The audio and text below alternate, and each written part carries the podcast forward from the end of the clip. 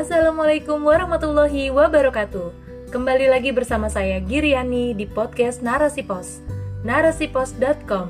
Cerdas dalam literasi media, bijak menangkap peristiwa kunci. Rubrik opini. Urgensi Ruhiyah dalam Meredam Konflik oleh Diah Rini. Kasus COVID-19 belum menunjukkan penurunan, bahkan cenderung terus bertambah. Program PPKM darurat terlihat jalan di tempat. Tidak ada kemajuan yang signifikan dalam menyelesaikan permasalahan pandemi. Tidak berbeda dengan program-program sebelumnya, hanya berganti nama atau istilah saja. Menyedihkan, Indonesia bahkan meraih rekor tertinggi kasus COVID-19 lebih miris lagi, ditambah munculnya konflik horizontal di tengah masyarakat. Kepanikan menyebabkan masyarakat mengambil tindakan tanpa berpikir terlebih dahulu. Dilansir dari kompas.com, warga desa Jatisari, Kecamatan Pakusari, Kabupaten Jember, melakukan penganiayaan terhadap tim pemakaman jenazah pasien COVID-19.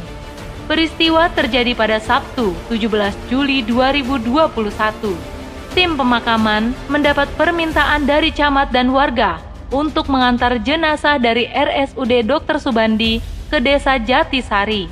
Ketika jenazah tiba di rumah duka, sudah banyak warga yang menunggu.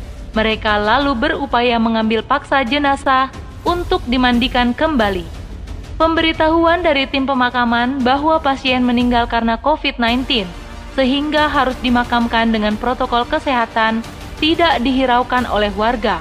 Parahnya, warga malah melakukan pelemparan, pemukulan, dan penganiayaan kepada tim pemakaman jenazah.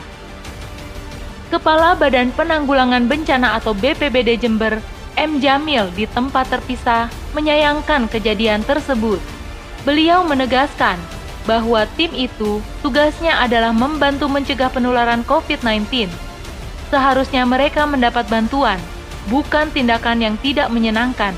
Lain lagi dengan kisah Salamat Sianipar. Sebagaimana dilansir kompas.com, warga Sianipar Bulu Silape, Kecamatan Silain Kabupaten Toba, Sumatera Utara itu gegara positif COVID-19 dan ingin diisolasi mandiri di rumah mendapat amuk masa pada hari Kamis, 22 Juli 2021. Menurut pengakuan keponakan korban, Joshua, bahwa kejadian berawal pada saat pamannya dinyatakan positif COVID-19 bersama rekan kerjanya. Karena gejalanya ringan, pihak kesehatan meminta melakukan isoman di rumah. Namun, aparat desa dan warga tidak terima dan meminta korban melakukan isolasi mandiri di gubuk di dalam hutan. Semula korban mengiyakan tuntunan warga, tetapi karena kondisi tempat isolasi yang tidak layak, membuat ia merasa depresi dan tidak betah. Akhirnya korban memutuskan pulang dan melanjutkan isolasi di rumah. Saat itulah amuk masa terjadi. Ibarat sudah jatuh tertimpa tangga, miris sekali nasib yang dialami Salamat si korban COVID-19 itu. Dua fakta di atas hanya sebagian kecil saja konflik yang muncul di tengah masyarakat masih banyak konflik horizontal yang terjadi antar individu masyarakat, antara warga dengan nakes, dan antara warga dengan tim pelaksana program COVID-19. Problem bermunculan sebagai dampak kurangnya edukasi yang tepat kepada rakyat. Edukasi seharusnya memiliki ruh, sehingga rakyat paham dengan fakta yang ada, paham dengan apa yang harus dilakukan terhadap fakta.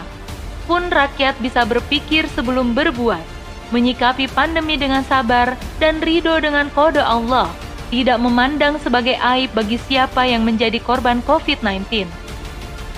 Butuh pengaturan informasi yang beredar di masyarakat, sehingga masyarakat tidak terjebak dengan berita-berita yang tidak bisa dipertanggungjawabkan kebenarannya.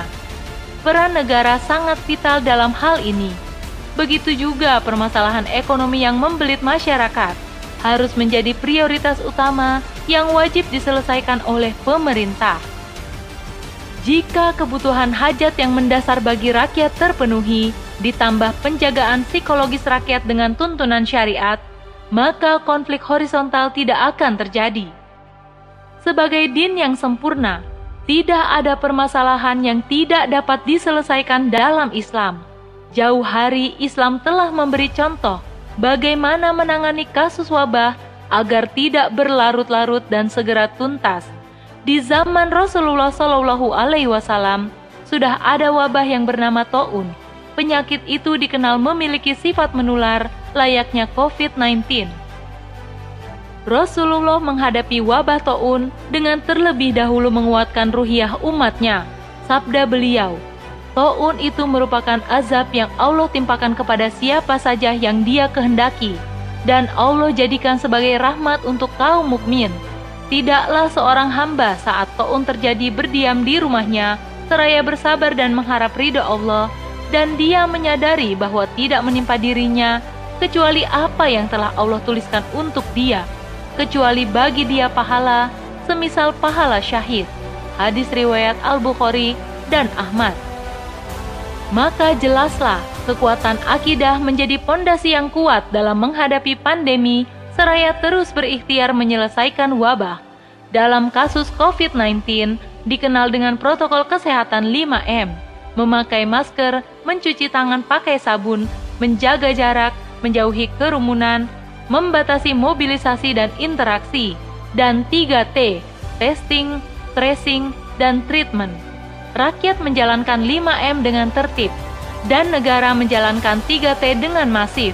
Tujuan testing adalah agar sedini mungkin diagnosa siapa yang terpapar virus corona, kemudian dilakukan pelacakan siapa saja yang pernah berinteraksi dengan korban untuk menghindari penularan sehingga segera dapat dilakukan treatment atau penanganan yang tepat. Yang sudah sakit segera diobati dengan fasilitas kesehatan yang memadai dan bisa diakses oleh seluruh rakyat dengan biaya murah, bahkan gratis. Sedangkan yang masih bergejala ringan, isolasi mandiri di rumah dengan disuplai kebutuhannya oleh negara lewat aparat yang ada di wilayahnya, sehingga saat menjalani isolasi mandiri tidak mengalami depresi yang semakin memperparah penyakit. Saat dilakukan testing pun, tidak ada ketakutan dari hasil tes, karena semua dikembalikan lagi kepada kode Allah. Hingga saat semua usaha sudah dilakukan, ternyata Allah berkehendak lain, maka ikhlas dan ridho sebagai pilihan. Hanya saja, dalam sistem kapitalisme, negara masih memikirkan untung rugi dalam meriayah rakyatnya Sering dengan alasan keterbatasan dana, rakyat dibiarkan menyelesaikan permasalahannya sendiri. Banyak program yang hanya manis direncana dan pahit di lapangan. Bahkan sekulerisme yang menjadi asasnya telah memisahkan agama dari penyelesaian masalah. Maka wajar jika muncul konflik horizontal di tengah masyarakat. Sudah saatnya umat mencampakkan sistem yang tidak manusiawi tersebut, beralih kepada sistem Islam yang terbukti secara empiris dan historis bisa menyelesaikan semua permasalahan umat dengan sohih. Wallahu alam bisawab.